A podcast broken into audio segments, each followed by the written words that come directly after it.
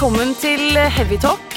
Dette er en podkast om livets opp- og nedturer når man en dag plutselig er midt i livet. Hei, Ami. Hei, Siri! Ja, da er vi her igjen. Jaggu, det er vi, altså. Det er eh, nest siste episode før jul. Ja, Da har vi Eller kommet godt forrige inn i år. stria. Da har vi Julestria. kommet inn i julestien. Ja, Eh, episode ni. det er det. Nest siste for i år. Og det er jo litt trist. Ute er det kommet uh, snø, Ami. Jeg har det. Så da er vel du glad? Jeg er helt overlykkelig, Siri. Jeg kan ikke vente på å komme meg ut i marka Ikke for sant? tiden. Men uh, vi starter der vi alltid starter, og det er jo å høre hvordan du har det. Ja. Hvordan ja, har du det? Uh, jeg er jo Nå er det jo veldig julestri, og det er vel ikke akkurat liksom toppmåned for meg, eh, kan jeg si det. Eh, jula mener jo jeg er nesten litt sånn bortkasta. Ja. Eh, og eh, jeg, jeg gikk vel inn i statistikken i går, for eh, jeg klarte jo å krasje bilen. Så det jeg er vel en del som er sammen med meg om det, om å, å krasje. Ja. Så jeg fulgte opp med det, dundra inn i en, eh, en jernstolpe.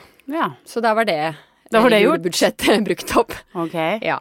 Ingen Eh, ble skadet eller noe? Ingen ble skadet, og det er jo veldig bra. Så jeg tenkte jo, sto jo der og tenkte ja, ja, nå er jeg jo utrolig lei meg for det, men det er jo ingen som er skadet. Nei. Så derfor så tenker jeg at uh, sånn skjer. Sånn skjer det. Men det er jo typisk at det skjer når man er litt I din stressa. verste måned. I min verste måned, selvfølgelig. Topper, topper kransekaka, for å si det I sånn. drittmåneden desember, som du liker å kalle det. Ja.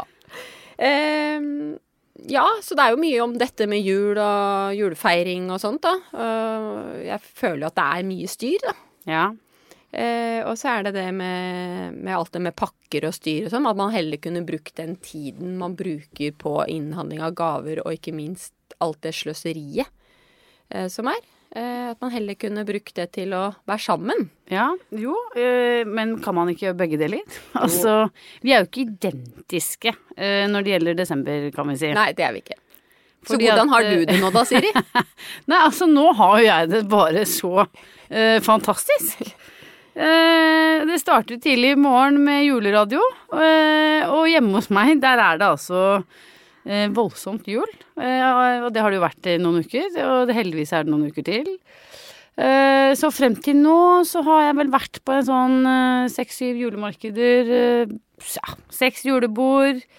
I morgen er det Lucia. Eh, jeg baker pepperkaker, og jeg drikker gløgg og har vært på julegranstenning og skal på flere julebord. Så jeg har det jo, i motsetning til deg, så har jeg det veldig bra akkurat det, det elsker skjønner desember. Men jeg må bare skyte inn, jeg er utrolig glad for den julekalenderen du ga meg forrige uke. Ja, du er det. For jeg blir rørt om hjertet mitt hver dag når jeg åpner disse ja, pakkene som er møysommelig pakket inn med fine bånd, og du Altså, det er jo helt. Sønnen min er jo helt over seg, Ja.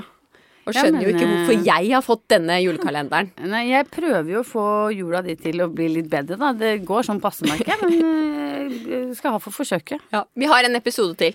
Det har vi. eh, Men jeg er nok aller mest glad, Ami, fordi at eh, vi har et aldri så lite gjennombrudd eh, i denne episoden.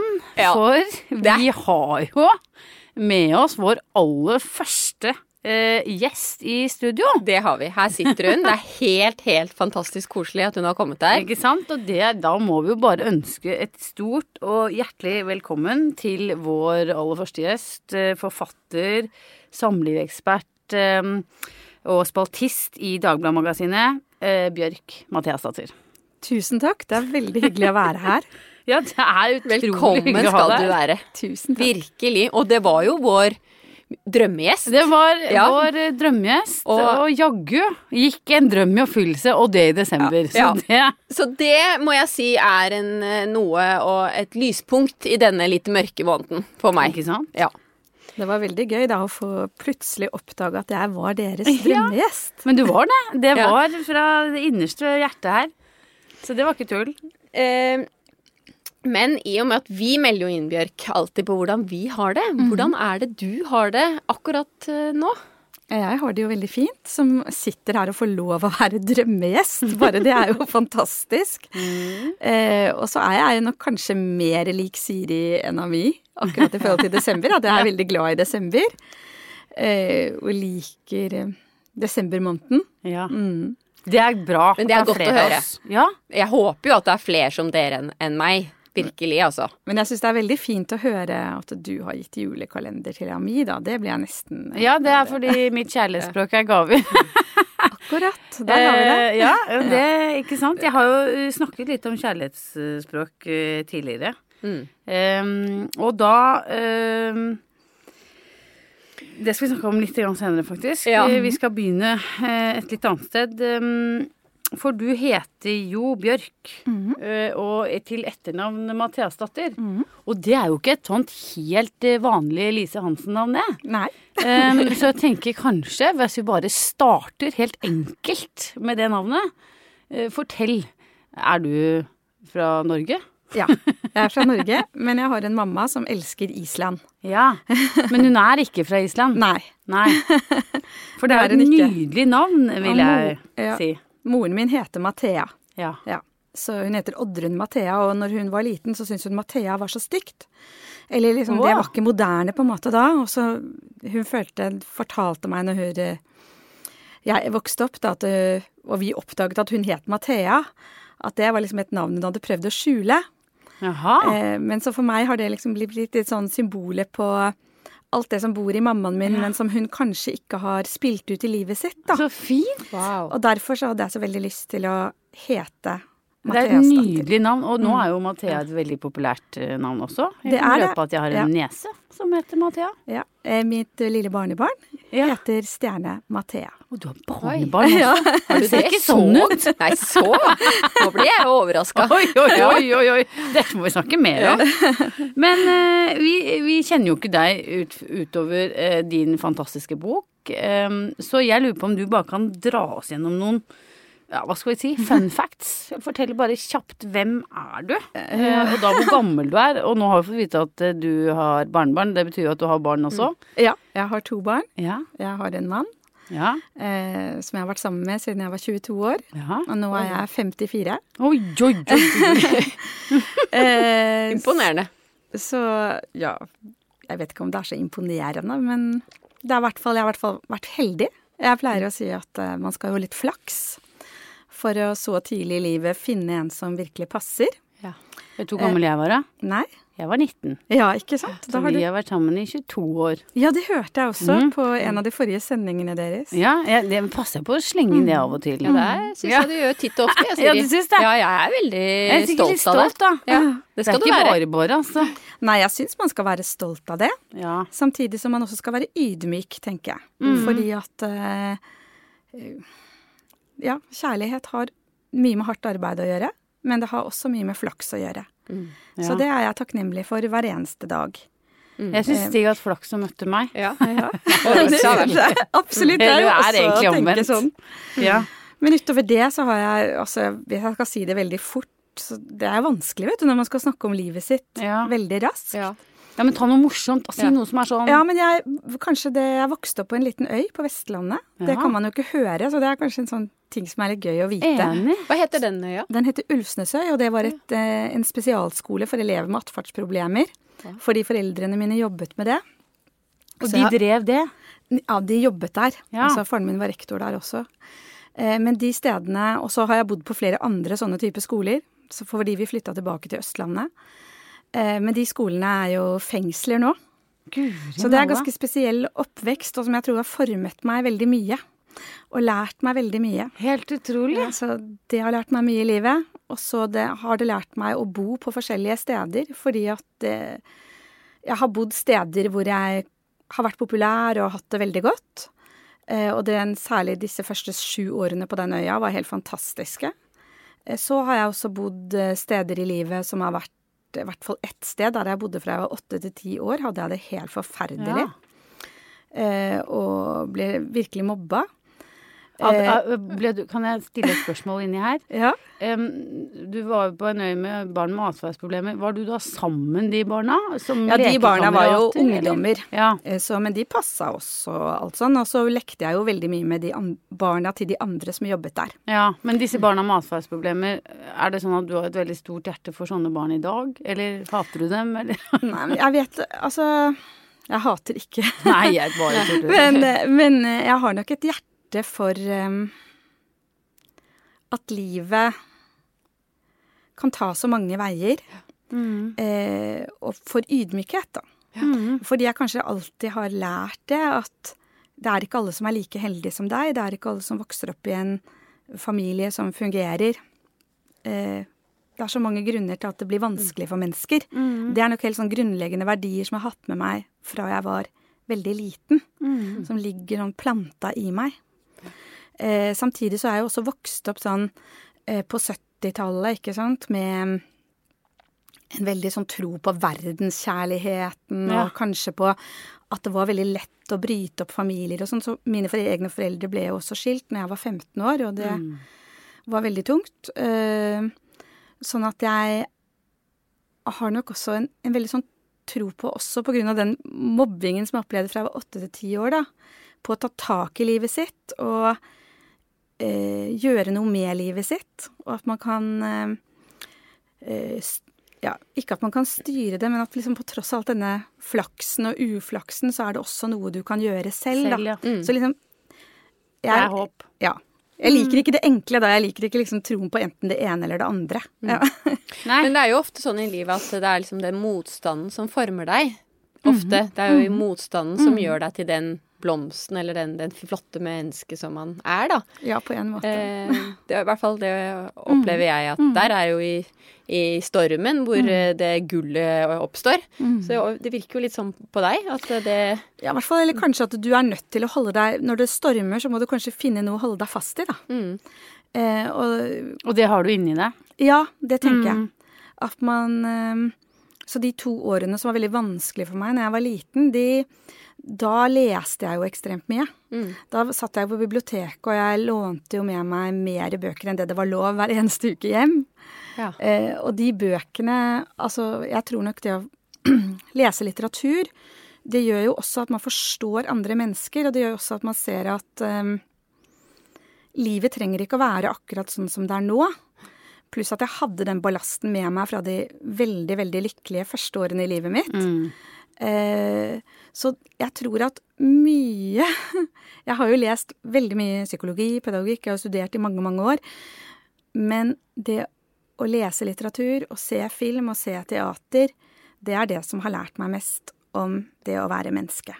Så fint. Oi, spennende. Dette kunne vi snakket om i evigheten. Du er fin, altså. Ja, veldig, veldig fin.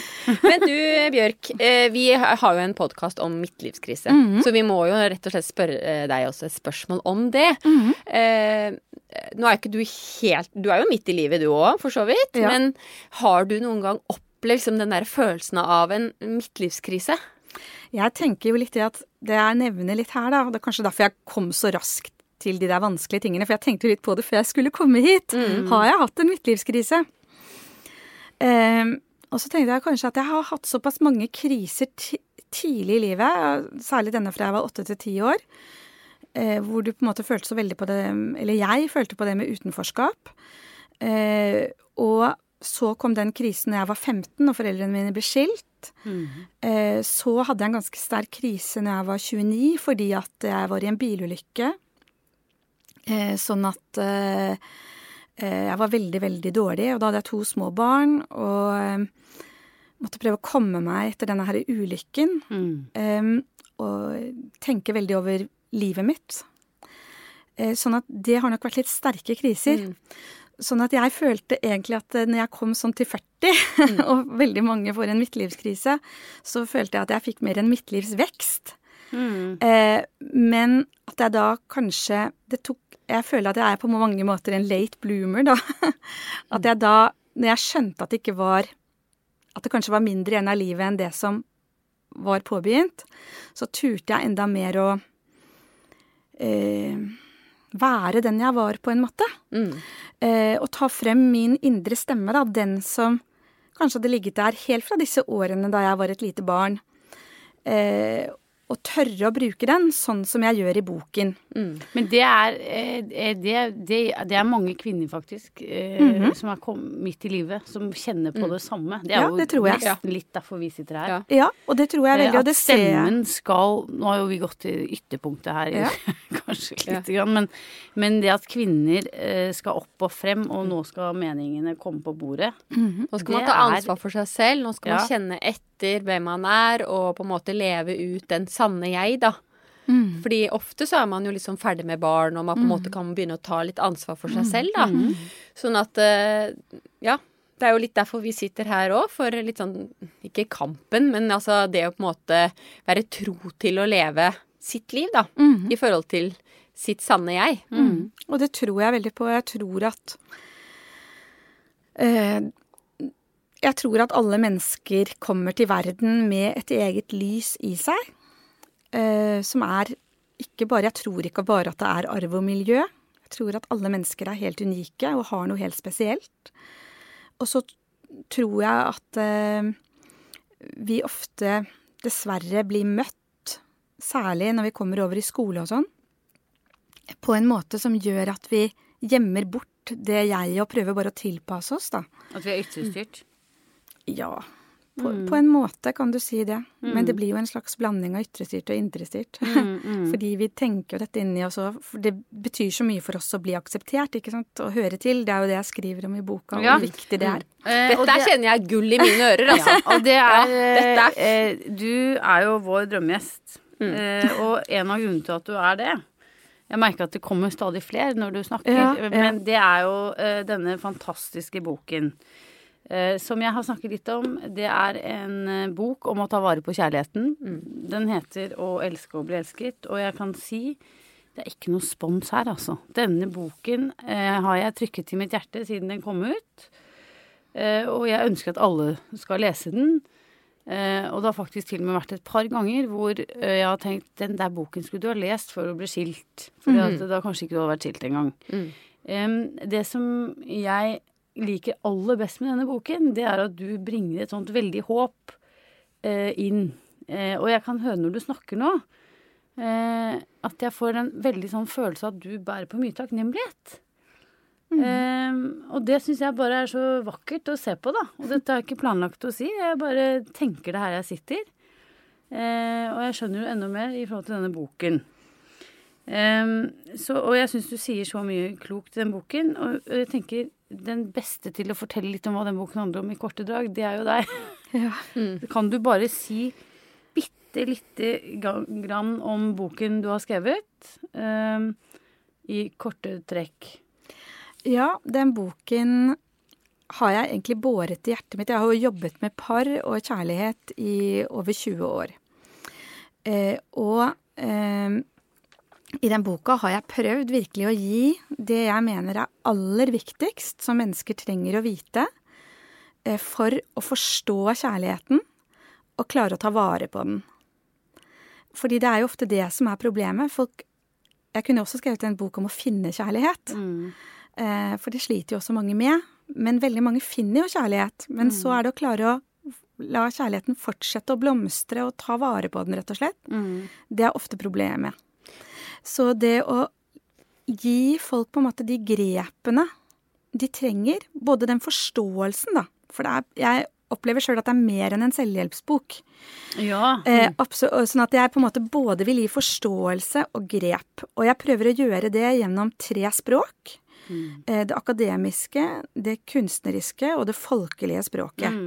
Fordi jeg mener at vi trenger alle de tre språkene for å forstå ting. Det syns jeg du klarer nydelig. Veldig. Takk. Tusen takk. Men dette er jo på en måte en parbok.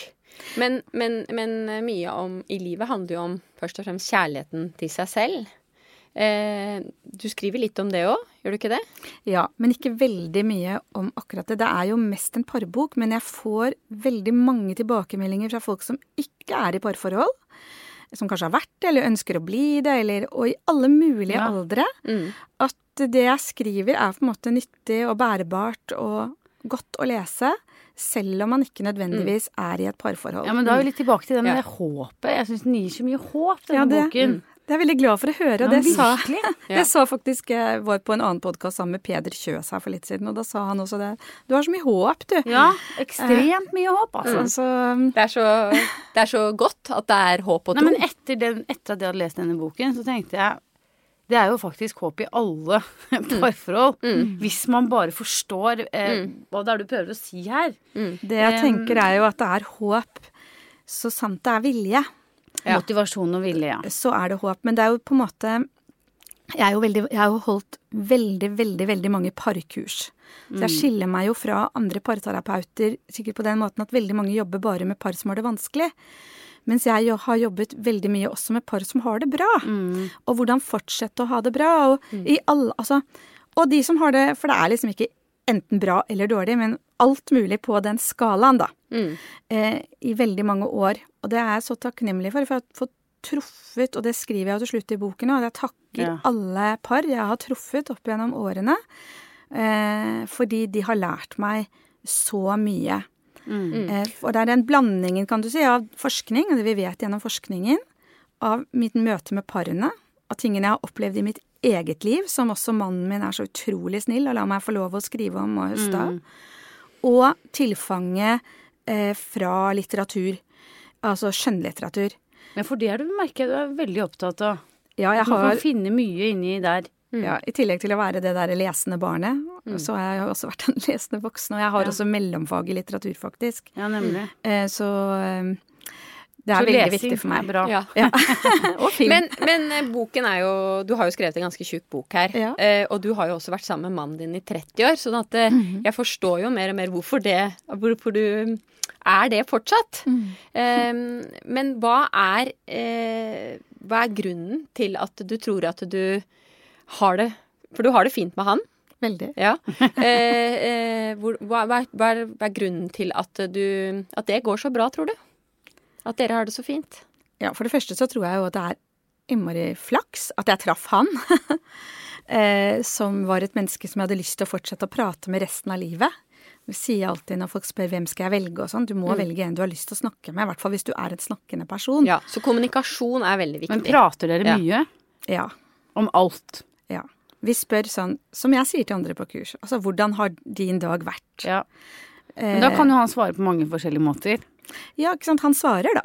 Han forteller meg ting. Han, for, han er fotolærer, han forteller meg om dagen sin. Han deler.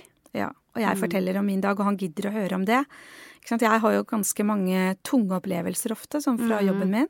Og, noen, og hvis jeg er på kontoret, hvis jeg holder kurs, så er det lettere opplevelser. Eh, og han spør alltid, og han lytter alltid, og hører alltid. Alt jeg har skrevet i boka, har jeg lest høyt for ham. Ja. Når jeg sender inn artikler til avisen, så leser jeg det alltid høyt for han. Så han er min viktigste menneske. Men du mener at det er viktig å prate sammen på det, på det nivået, holdt jeg på å si? Ja, i hvert fall hvis man er et pratende menneske. Man kan jo også godt leve godt sammen to stykker hvis man ikke er så pratende. Men hvis én er pratende og én ikke, da? Ja, da er det vanskelig. Ja. For at jeg kan jo stille Stig, som jeg er sammen med, mm. et spørsmål. Hvordan var det ute i går? Hvis han har vært på julebord. Det var fint. Punktum. Ja. Og da er han fornøyd. Altså, det er ikke noe mer å Ja, Og da vil jo jeg gjerne Men det spørs jo litt hvis han kan snakke om andre ting. For sånn husker jeg ble veldig frustrert også i starten med mannen min, fordi vi f.eks. hadde vært på kino, og jeg kunne si sånn Å, hva en fantastisk film, og, og, og snakke og snakke. Mens han Han var sånn Ja, hva syns du, sa jeg. Greit nok. Ja. Han er bergenser. Og han er ikke typisk bergenser. Han er en veldig innadvendt, stille person. Eh, egentlig, eller kanskje ikke så stille når han først snakker og forteller, men på sånne ting, som hvordan var det, så kan han Ja, si så det er ikke viktig. Greit nok. Nei, men når det kommer til å snakke om hvordan han opplever verden og opplever ting som er viktig for Og at han er opptatt av hvordan du har det òg, da. ja. Mm. Men hvordan har dere forandret dere på disse 30 årene? Er det liksom ja, vi har forandret oss eh, mye. Eh, og det er det jeg skriver om i boka også, at jeg mener at kjærligheten Det er jo noe som heter at det er bare kjærlighet og sorg som kan endre et menneske. Men jeg tenker jo at kjærlighet og sorg er det samme. Fordi vi sørger jo ikke over noe vi ikke har vært glad i. Eh, Veldig godt sagt, da. Og eh, jeg tror at ting jeg har endret i mitt liv, det kunne jeg ikke endret hvis det ikke var for han. Nei. Eh, Kan du gi et eksempel? Ja, jeg kan for eksempel eh, Noe jeg forteller om i boken, er jo dette eh, å roe meg ned, da. Fordi han ville når ungene var små, at vi kom han til meg en dag og så sa han at vi skulle ligge 20 minutter inntil hverandre på sofaen hver dag. Stemmer det. Ja. og da bare syntes jeg han var helt eh, Ja ja, men det kan vi jo gjøre om kvelden, sa jeg når de har lagt seg. Nei, vi skal gjøre det med en gang vi kommer hjem fra jobben. Da skal vi legge oss der, sa jeg, men det kan vi jo ikke. Det er jo, Ungene må ha mat, vi må rydde, vi må, hva vil folk si hvis de kommer inn her og sånn.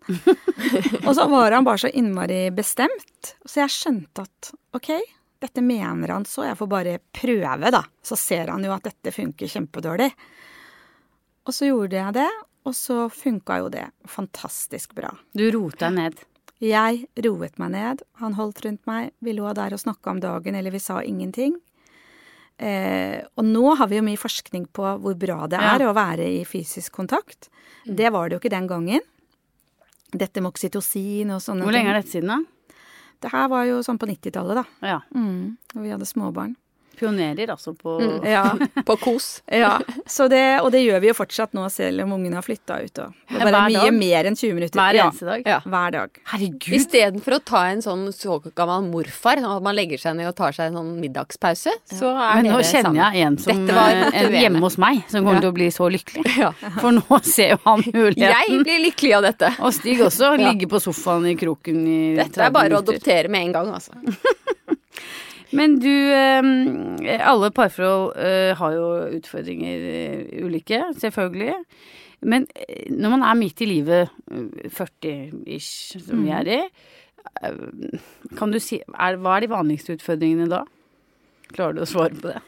Nei, altså men jeg tenkte jo litt, siden at dere er en midtlivskrisepodkast, så tenker jeg jo litt hva jeg opplever sånn når jeg av og til på kontoret, da. Så kan jeg jo oppleve at folk kommer og er skikkelig lei av forholdet sitt. Og de har begynt kanskje å orientere seg utover, begynt å flørte med andre. Eh, alt er liksom galt hjemme. Og da er det ofte, det er jo ikke alltid, men ofte så prosjiserer man kanskje mer sånne ting som du var inne på i stad, Mi. På altså hvordan Hva har jeg egentlig lyst til å gjøre i livet? Hvor er det blitt av det lille barnet jeg hadde inni meg? Man dytter det over på parforholdet. Og så er det egentlig ikke det det er noe gærent med. det er, er det at man kjeder seg, eller at man stiller seg de store spørsmålene i livet, og da drar man inn forholdet også? Jeg tror det ofte er- også? Eksistensielle spørsmål og valg, men som man mange, kanskje særlig menn, men også kvinner, ikke er klar over at egentlig er der. Men man liksom tror at det handler om eh, parforhold, eller at man kjeder seg, eller at det folk er dumme, eller altså, ja. Noe ytre sånn. Og så handler det egentlig om noe veldig sterkt indre i en selv. Så Hva skal man gjøre da? Også, Nei, da må man prate med meg, holdt jeg på å si. Nei da, det må man ikke. Men det er jo ingen myte at gresset er, gresset er jo ikke grønnere på den andre siden. Det er jo Nei. stort sett ikke det. Nei, det det er- handler jo om å ta tak i det man har. Ja, veldig ofte er Altså, det hender jo selvfølgelig noen ganger at folk har blitt sammen med noen som man virkelig ikke passer med og sånn, men ofte så er det jo eh, lig- har man jo virkelig valgt å satse på noen man en gang ble virkelig forelska i. Eh, og hvis man klarer å ta vare på det opp Der er igjennom håpet. Der er Ja. håpet tilbake. Ja. Så det er ikke sånn Ja. at det fins de fire store uh, vanligste utfordringene for folk som er midt i livet, f.eks. Du har ikke en sånn liste sånn tjink, tjink, tjink. Det er de Nei, fire. fordi at jeg mener jo ofte altså, Når man skriver i avisa, så vil man jo veldig ofte at liksom, det skal, man skal skrive en tekst om økonomi eller en tekst om sex eller ikke sant. Men alle, det er jo mye mer komplisert, for alle disse tingene er vevd sammen. Ja. Og hvordan vi har det i livet er vevd sammen hvordan, med jobben vår, med hvordan vi har hatt det før, med hvordan forhold Det er så mange ting, da. Men nå, men nå kommer jeg på et spørsmål som jeg ikke har uh, tenkt nok over, men jeg, jeg drar det likevel. Ja, gjør det, Siri. Vær gæren. Um, fordi at jeg kan jo oppleve eh, Når man er midt i livet, Mhm. i stor grad, så er jo Noen er jo blitt mer opptatt av å utvikle seg selv, og kanskje kvinner i større grad enn menn. Um, Og så ser du på meg. Nei, jeg, jeg ser på oss. uh, meg selv inkludert, ikke sant. Det er mer tid til å finne ut hvem man er, og alle disse store spørsmålene. Og man har litt mer tid og blir litt mer oppmerksom på hvordan man har det selv. Da er det jo litt sånn at to stykker som har levd sammen over en gitt periode, gjennom småbarnsperioden og sånn, plutselig så er man jo veldig Utvikler man seg jo ikke i samme retning helt. Altså at man Jeg går én vei, og kanskje Stig bare blir stående der, men han er ikke med på min videre utvikling og selvutvikling og reise, og så forventer jeg at han skal forstå at nå har jeg forandret meg, så nå er jeg sånn, mens han står igjen. Er, jeg kan si litt om det, for det er Ja. veldig interessant. Rointeressant. Ja. Og jeg, hvis jeg kan dra den litt sånn Jeg tenker jo at et parforhold består av to jeg og ett vi. Sånn at vi kan si at én pluss én er tre. Mm. Og så er det også veldig viktig å være trygg. Vi vet at jo mer trygg du er i parforholdet, jo mer tåler du ting. Men når kanskje den ene begynner å forandre seg, da. Begynner på et eller annet, plutselig skal man begynne på møbelsnekkerkurs eller på yoga eller hva det er.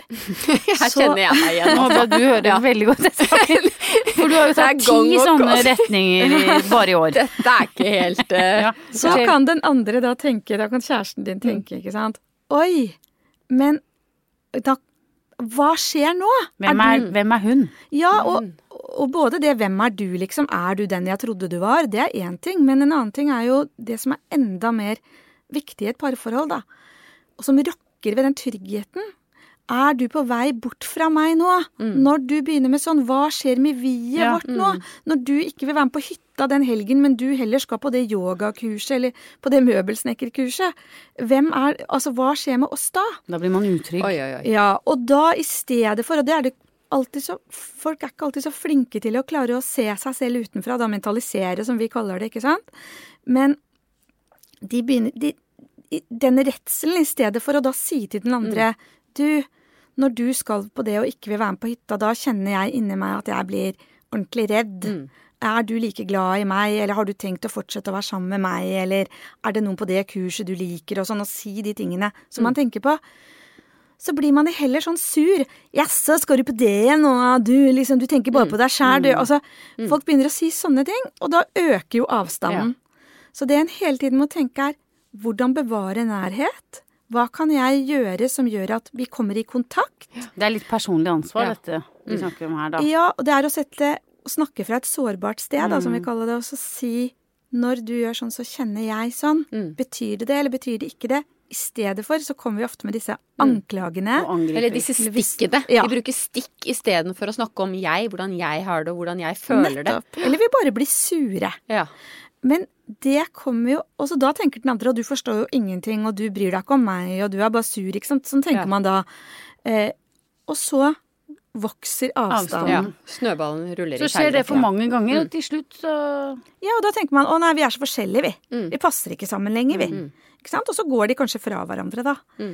Men så er det jo veldig mange faktisk etter den boka mi òg som har ringt meg og bedt om å snakke med meg og komme til meg og sagt at oi, Ja. dette tør jeg ikke å si til noen andre. Men jeg må bare si det at etter at jeg leste den boka, så begynte jeg å tenke kanskje den jeg levde sammen med før, var som jeg nå har barnebarn med og sånn. Kanskje det har vært bedre å fortsette i det forholdet, for det er veldig trøblete nå med alt dette mine og dine barn og alt det jeg lever i. Ja, fordi at jeg ser, hadde jeg bare skjønt dette før Og det er jo litt sånn Nå må folk høre etter, Ja. altså de som vurderer Ja. eh, ja. Nå er det bare å høre etter, altså. Det mener jeg for helt Ja. Men eh, det er jo Ja. utroskap.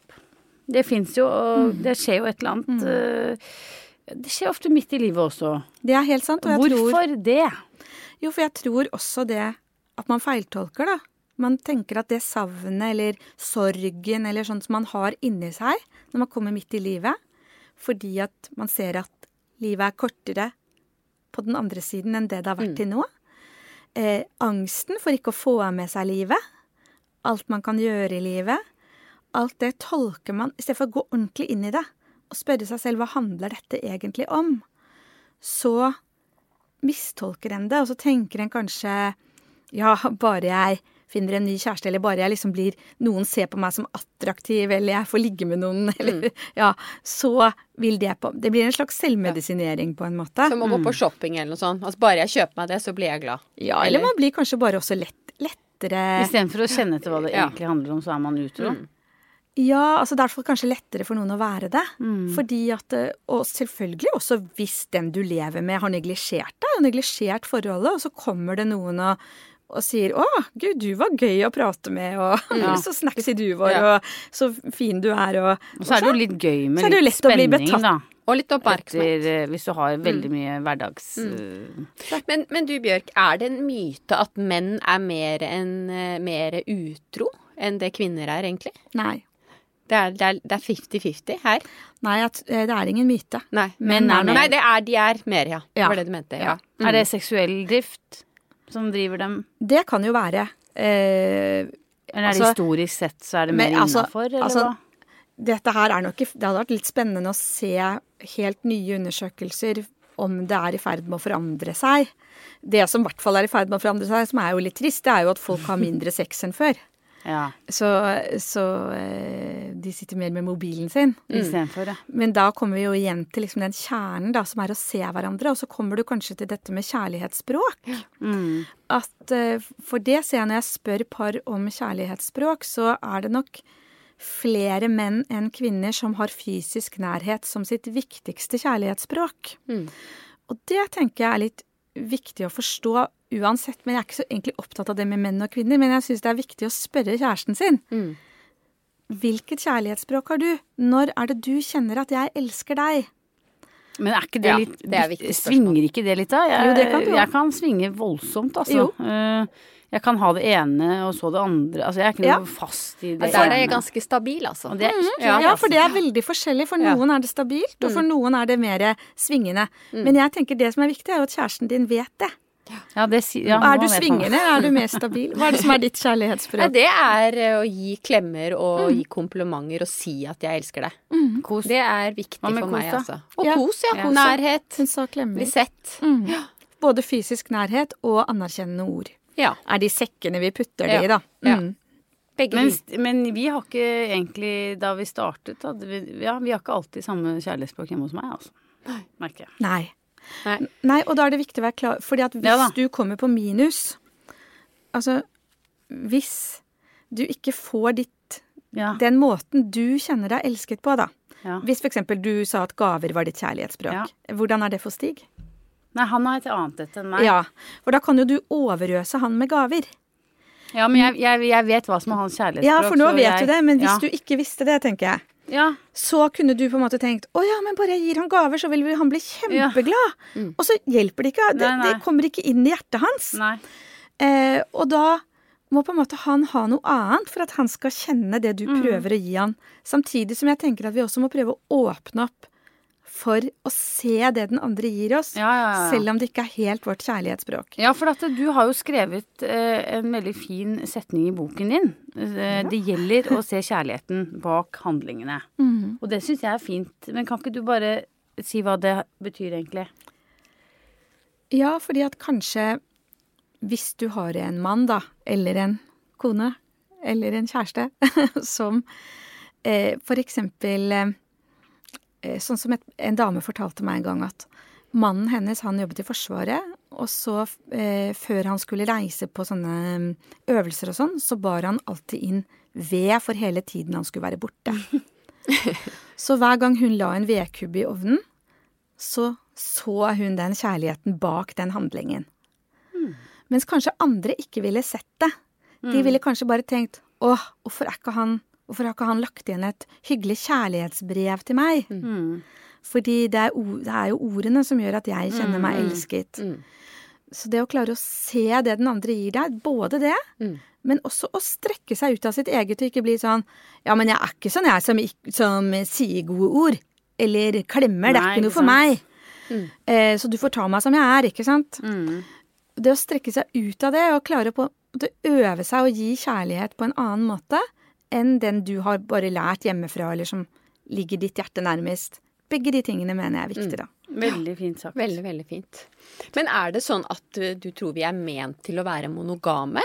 Eller er vi liksom Jeg tror jo i hvert fall at man snakker veldig mye om det om monogam og ikke monogam og sånn, men det er jeg helt sikker på, mm, og som er min kraft, og som gjør at jeg orker eller har så engasjement i det jeg jobber med, det er jo at jeg mener at det å høre til Mm. Det som Ja. Jan Magnus Bruheim han skriver i et dikt at det er så mangt i livet vi ønsker oss og vil, men mer enn det å være er det å høre til. Oi, oi, oi. Det er så fint. Det er så fint. Jeg er gåsehud, jeg her nå. Og akkurat det er jeg sikker på, og det har jo kunstnerne visst. Men altså, menneskene har visst det i hjertet sitt, men så har vi kanskje kommet bort fra det. Men forskningen er jo med oss nå. Eh, særlig Bovelby sin forskning, hvis noen kjenner til den. Og, og vise oss at eh, tilknytning og tilhørighet er like viktig for mennesket som mat og varme. Ja. Eh, og Det er noe trist i dette òg. Tenk på alle de som ikke har det. Og, ja, Ja, men jeg alene. tenker at vi trenger jo ikke Altså, jeg tror jo at vi, vi veldig gjerne vil søke etter en kjæreste. Det viser jo på en måte hvordan folk bruker Match og Tinder og alle sånne nettjenester. Eh, med en gang de blir single, veldig ofte. Eh, men jeg tror jo også at vi kan finne den tilknytningen og kjærligheten også i vennskap, i forholdet til barn, i forholdet til foreldre, i Dyr, til og med. Absolutt, og det ser man jo. Folk får jo flere og flere hunder. Hund og katt er veldig glad i. Men eh, samtidig så eh, Og det er derfor jeg tenker også at eh, vi trenger at de forholdene vi innleder sånn ordentlig, da. Vi må jo ofte prøve oss litt fram, eller at det er veldig viktig for oss at, at de varer. Og man ser jo veldig ofte, og syns jeg, at selv om folk har hatt kanskje noen flere langvarige forhold gjennom livet, så på en måte mister de ikke tilknytningen alltid. Nei. Se- eh, Til de første de har vært sammen med, de man virkelig har knytta seg til, da. Jeg har, veldig, har et, et spørsmål på hjertet her, altså. Ja. igjen, Fordi det som jeg syns er så brutalt med forhold, det er det at man lever et liv sammen med noen, og er sammen med det mennesket, og kjenner og lærer det mennesket så vanvittig godt. Og så når det er slutt, så er det over. Da skal du på en måte ikke ha et forhold til det mennesket lenger. Altså det er veldig sånn kjærlighet eller ingenting. Og det syns jeg er sånn dramatisk, da. Det er jo veldig dramatisk og veldig vanskelig for mange. Eh, og samtidig så Det kommer jo vel litt an på. Hvis du Ja. er ferdig, så er du ferdig. Ja da. Og dette er jo veldig forskjellig, og Ja. noen er jo venner, og men noen sier det går jo ikke an å være venner, og, eh, og det tror jeg også er riktig mange ganger. Og så er det jo også det at man skal innlede et nytt kjærlighetsforhold, eh, og da kan det være veldig truende for det nye kjærlighetsforholdet om du er venn med den du var Ja, sammen med før. Ja. Eh, og så tenker man det burde det jo ikke være, og det er så enkelt og greit, og man er jo ikke det. Altså, ting som er på en måte politisk korrekt da, og riktig å si, men det er ikke så lett for folk i praksis. Nei. Og det handler jo nettopp om at det, ah, dette her handler rett og slett ikke om ting som bare er praktisk. Det handler om veldig, veldig dype følelser. Ja. Og det handler egentlig om sant, at når du, vi blir født som små barn, så må noen voksne ta vare på oss, holde oss, for at vi skal overleve. Eh, og så kan man tenke at det behovet går over når vi blir voksne, men det gjør det ikke. Vi har det med oss hele livet, og det er et overlevelsesbehov. Og derfor vil vi også da føle oss truet hvis den kjæresten vi har, også driver og holder andre, på en måte.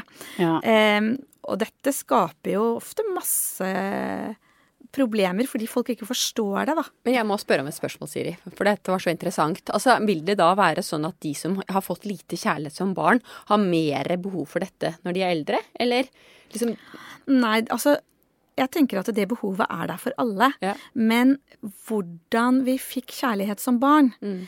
vil prege oss i hvordan vi både klarer å gi og ta imot kjærlighet som voksne. Ja. Men hvis man Og mange må jobbe med det de har opplevd som barn, for å ha det godt i sine kjærlighetsforhold Men man også. trenger ikke å bli akkurat lik som Altså, Nei, overhodet ikke. det er jo håp. Absolutt. Det er masse håp, og det er masse håp hvis man klarer å se på livet sitt, ta tak i livet sitt, forstå hvorfor en reagerer som en gjør. Så er det masse, masse, masse håp. Det er alltid rom for endring. Nå Ja. går vi jo inn i en uh, høytid, Ja. eh, og det er ferie på gang. Og det er, jo, det er jo litt sånn at etter ferie og høytid, så er det jo mange som skiller seg.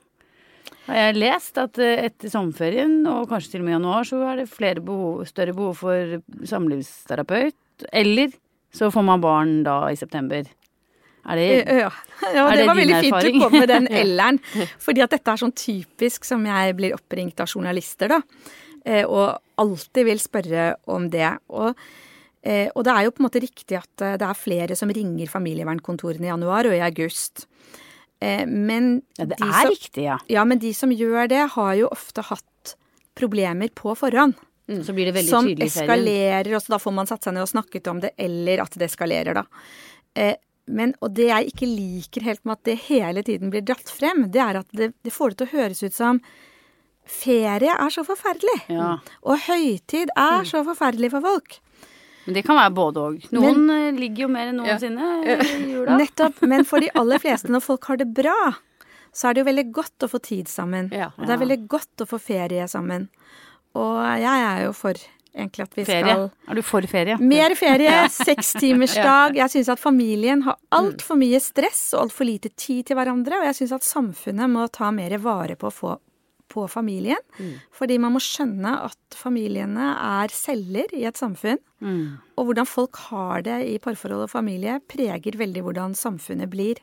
Nemlig. Hva er det viktigste da, liksom for å beholde parforholdet? Sånn, hvis du kan oppsummere litt. For å ha det bra i det. Ja, for å ha det bra. Ja, det er så Altså, nå ringer det her. Altså, vi har så mange spørsmål, Ja. så nå må vi, skal vi liksom runde av litt. Men Ja, vi vi- må, vi vi må, prater av- litt til, da. Vi må prate litt til. Vi gjør det. Og eh, vi gjerne må ha svar på det, altså. Ja, hva, er det hva viktigste for å bevare det med, med parforholdet? Jeg tror det viktigste er å skjønne at eh, kjærligheten, den er på en måte akkurat som et bål. Mm. Den flammer så sterkt i starten, men hvis den skal vare, så er du nødt til å bære ved til det bålet. Akkurat som det bålet du tenner på peisen nå i Det, jula. det står i boka også. Ja. Det er så fint skrevet at For at det skal fortsette å brenne. Mm. Så, og da må du vite litt hvilke kubber du trenger, hvilke kubber kjæresten din trenger, og hvilke som er bra for viet deres. deres. Det må man snakke om og være bevisst på. Mm. Og det som jeg også syns er veldig viktig å si, det er at ingen kan bære ved til et kjærlighetsbål alene. Det må man være to for å gjøre. Så hvis du syns at du har båret og båret, eh, og den andre ikke har gjort det, så er det ikke din skyld at det bålet ikke brenner lenger. Men når er faktisk et parforhold over, da? Når er det liksom, når er det fair å gi seg og bare si nå er det over her, jeg har gjort alt. Da Når, det, når gjør man når, det er ikke noe standardsvar. Og jeg hadde et par i høst som eh. Som virkelig jeg også nesten trodde at det var over. Men det var noen gnister der, Mm. og det var noe de ville kjempe for. Og så var det så fint med det paret jeg, jeg, Er de sammen? Ja, det er det nå, og det har det bra. Og, men Wow. de Noen ganger så De gjorde virkelig alt jeg sa. Vi får prøve dette, sa jeg. Gjør det, gjør det, gjør det. Ja, men har det hendt at du i samtale med et par tenker dette er slutt? Eh, Har du tenkt det? Her Selvfølgelig det tenker man det. Hva gjør du da? Ja, men jeg tenker at eh, ingen andre mennesker kan vite helt hva et par egentlig har sammen. Altså, det er ikke sånn at du sier sånn Vet du hva, jeg tror løpet er kjørt for dere to. Nei, det kan man ikke si. Nei, du gjør ikke det. Nei, nei, nei, det må de finne ut sjøl. Da later du sånn? Eller bare hjelp, prøve å Nei, hjelpe de videre. jeg sier jo at jeg skjønner at dette er vanskelig, og jeg Mm. Vi kan ikke vite hvordan dette vil gå. Men altså eh, Jeg tenker jo at det jeg sa i stad, altså ingen kan vite helt hvordan noen har det sammen. Mm. Og man ikke alltid man vet det selv heller. Eh, og det er så mange ting rundt oss som påvirker oss. Um, Mm. Men jeg, det jeg kan si, det er at det jeg ikke syns er godt å se på, og som jeg ikke syns folk skal finne seg i, det er jo å leve sammen med noen som tråkker deg ned. Krenker og Ja, Som gjør at du ikke på en måte blir løftet som menneske i det hele tatt, da. Mm. Det er jo ikke alltid alle perioder vi kan klare å løfte hverandre. Det å være et par over lang tid handler jo også om å stå gjennom de dagene som kanskje ikke er så fantastiske. Mm. Um, og når man ikke klarer å løfte hverandre, og man kanskje den ene har det skikkelig dårlig. Men som, som, hvis man er sånn at man tråkker den andre ned, legger den under foten og liksom sier stygge ting Men hvis man ikke gjør noen ting, hvis man verken tråkker ned eller gir eh, noe som helst, hva da? Hva skal man gjøre da? Ja, da må du jo først snakke Altså, du må si ifra. Ja. Det, men det som er, som er så veldig, veldig trist, det er at folk ofte prøver å si ifra. Du, dette gidder jeg ikke. Dette er veldig vanskelig for meg. Mm. Jeg skulle ønske du kunne komme hjem, at vi kunne gjøre noe hyggelig sammen. Jeg skulle ønske at eh, vi kunne snakke sammen. Mm. og den andre ikke møter og møter. Hører ikke etter. Nei, forstår og så ikke plutselig så sier den, vet du hva, nå har jeg ikke noe følelser mer. For det er det som skjer, ikke sant. Det er jo ikke det at folk ikke vil elske. Men hvis den du elsker, ikke tar imot Mhm. de invitasjonene du gir Du spør skal vi gå på kino, den Nei, ikke sant. Den gidder ikke å bli med på det du foreslår. Den gidder ikke ikke å høre lytter hvis du sier at nå er det tøft. Jeg, nå syns jeg ikke vi har det så bra. Eller ikke Nei, ja, det er du som har problemer. Det er derfor du finner Ikke sant? Riktig, eller ikke lytte hvis du sier Bare forteller 'Å ja, vet du hva jeg så på vei til jobben i dag', liksom. Altså, nei, den er ikke med. Nei. Og så skjer det hele tiden, og så, sier, og så gjør det så vondt at da begynner man å skru ned følelsen i hjertet sitt. Er det ikke sånn at det er veldig vanskelig å Hvis følelsene er borte Dette har jeg lest. Da er det, skal det veldig, veldig mye til å finne Ja, da de på en måte. Hvis de er Da må helt du borte. fyre på bålet helt på nytt, Nei, ja, hvis de er Da, skal, ferdig, er da skal det ofte veldig mye til. Hvis den er helt mm. ferdig. Ja. Men det jeg mener, da, og det jeg syns er så trist, er at da ofte når den da sier 'vet du hva, nå orker jeg ikke mer', det er da Mm. den Det er andre da ringer til boka- meg Yes. og sier at 'oi, den andre vil gå fra meg', og så sitter de hos meg, og så, og så sier den 'jo, men var det bare det du ville jeg skulle gjøre'? Ja. Ville du bare at jeg skulle ligge med deg? Ville du bare at jeg skulle kose deg? Ville du bare at jeg skulle eh, At vi Mm. skulle dele litt mer på arbeidet her hjemme? Var det bare Men det kan jeg gjøre! Jeg kan gjøre alt det! Mm. Og så har den andre kanskje sagt det i fem Ja. år. Mm. Så trenger det egentlig bare en tredjepart til å liksom Ja, men der, da er det ofte litt seint, da. Ja. Ja. Og det er det som jeg syns er så trist. Men noen ganger går det. Mm. Men eh, det er veldig Ja. trist. Så det gjelder å ta det før Ja. det er for sent. Og så bare Nettopp. sånn helt Det er det jeg hjelp er i jule, julemåneden. Sånn i juleferien. Da er det jo, som du sier, Siri, veldig mye som skjer. Mm. Er det liksom noe helt konkret vi skal gjøre nå for å møte hverandre i jula? Ja, da tenker jeg at det som er viktig i jula Tenk først og fremst hva er det jula handler Altså, hva er det som er aller viktigst? Mm. Og når jeg, jeg har nettopp stått og spurt folk på gata om det, for jeg har en julekalender eh, som går på Facebook og Instagram gøy. og sånn. Eh, og, og når vi har spurt de hva er det viktigste i jula, så svarer 90% det er å være sammen. Mm. Og da må man holde seg litt fast i det, Mm. og ikke bli hysterisk om den topp, julestjerna i toppen henger litt skeivt, eller maten blir litt brent, eller ting ikke blir akkurat sånn som du hadde tenkt. Riktig. Eh, og holde seg fast i det viktigste. Mm. Og dere være sammen. Ja. Ja. Og på en god måte Altså ikke, ikke ødelegge denne sammentiden med å på en måte hisse seg oppover bagateller, da. Og nå skal jeg skal ødelegge denne sammentiden her Ja. med oss, for nå er jo det eh, Ja. snart over. Um, jeg tenkte åh, kan ikke hun gi et skikkelig bra julegavetips uh, til mannen min? Men så fant jeg ut at eh, jeg har jo det beste julegavetipset selv. Mm. Og det er ikke noe ringere enn denne boken her. Eh, fordi maken til bok, altså, dere. Eh, hvis du skal gi en gave av kjærlighet til de du er glad i, så mener jeg at denne boken, Å elske og bli elsket, er den fineste julegaven man kan få. Det er helt enig med deg, Den Siri. fins også i lydbok nå. Um, på Fabel. um, eller du kan kjøpe den som lydbok. Men kanskje aller mest ha den ved siden av deg i Eller hør den sammen med din kjære. Ja, men altså, det er en nydelig bok. Uh, så det er mitt julegavetips Mm. er denne boken. Og det sier jeg av hele mitt hjerte. Det er flere som får den av meg til jul.